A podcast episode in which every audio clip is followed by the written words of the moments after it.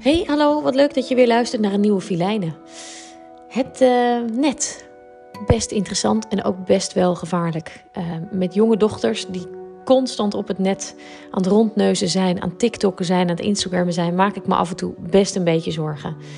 En niet voor niets. Een tijdje geleden werd er een podium gegeven aan een leuke man om te zien, maar met een hele zieke geest, een pedofiel. Ik schreef hem deze brief. Dag meneer. Wat een leuke kop, dacht ik toen ik u op televisie voorbij zag flitsen. Een jonge vijftiger, goed haar, vriendelijke ogen. Type leuke man. Ik was druk bezig, dus ik had geen tijd om te kijken waarom uw hoofd mijn scherm vulde. S'avonds kwam u opnieuw voorbij en pas toen hoorde ik hoe ziek, hoe ziek u was. Op het eerste gezicht zou je dat helemaal niet zeggen. U zag er alles behalve ziek uit. Nou is pedofilie natuurlijk ook niet een ziekte die duidelijk zichtbaar is. Was het maar zo. Want dan zou die lieve moeder wel beter hebben geweten. Dan zou die lieve vader zijn foto's wel op het feestje aan zijn vrienden hebben laten zien. En niet op het web. Het web waar spinnen zoals u de hele dag op zoek zijn naar kleine prooien. Met de nadruk op klein. Er zijn ziektes waarvan de symptomen met name voor de zieke heel erg vervelend zijn.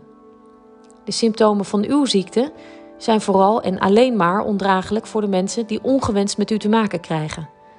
En die symptomen zijn levensbedreigend. Want wat voor leven gaat een kind tegemoet dat door u in de spotlights is geplaatst op een angstaanjagend toneel? Wat voor leven heeft een kind nog als het voor altijd achtervolgd wordt door de angst gebruikt te worden? Wat voor leven heeft een ouder die niets vermoedend een prachtfoto van zijn dierbaarste bezit deelde en zich daar de rest van zijn leven schuldig over zal voelen?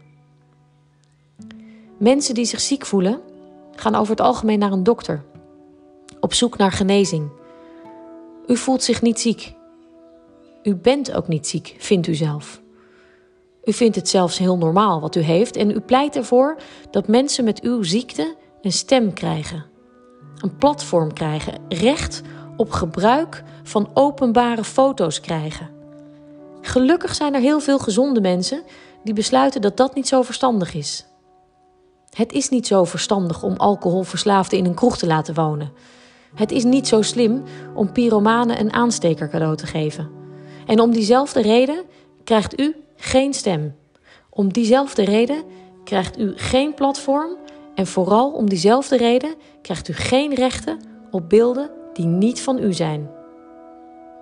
Ik weet dat er wereldwijd een groot toneel is waar u en de mensen met dezelfde ziekte hun vreselijke spel spelen. Ik weet dat er landen zijn waar niet zo moeilijk wordt gedaan over uw ziekte. En ik weet dat u vindt dat u handelt onder de vlag van liefde. Maar de enige liefde in uw leven is die voor uzelf. Doen wat u gelukkig maakt over de rug van onwetende kinderen. Ik wens over het algemeen zieke mensen beterschap toe. Maar voor u maak ik graag een uitzondering. Ik wens u vooral symptomen toe. Voelbare, pijnlijke symptomen. Zodat u voelt hoe ziek u eigenlijk bent. En dat u dan eindelijk op zoek kunt gaan naar genezing. Filijnen.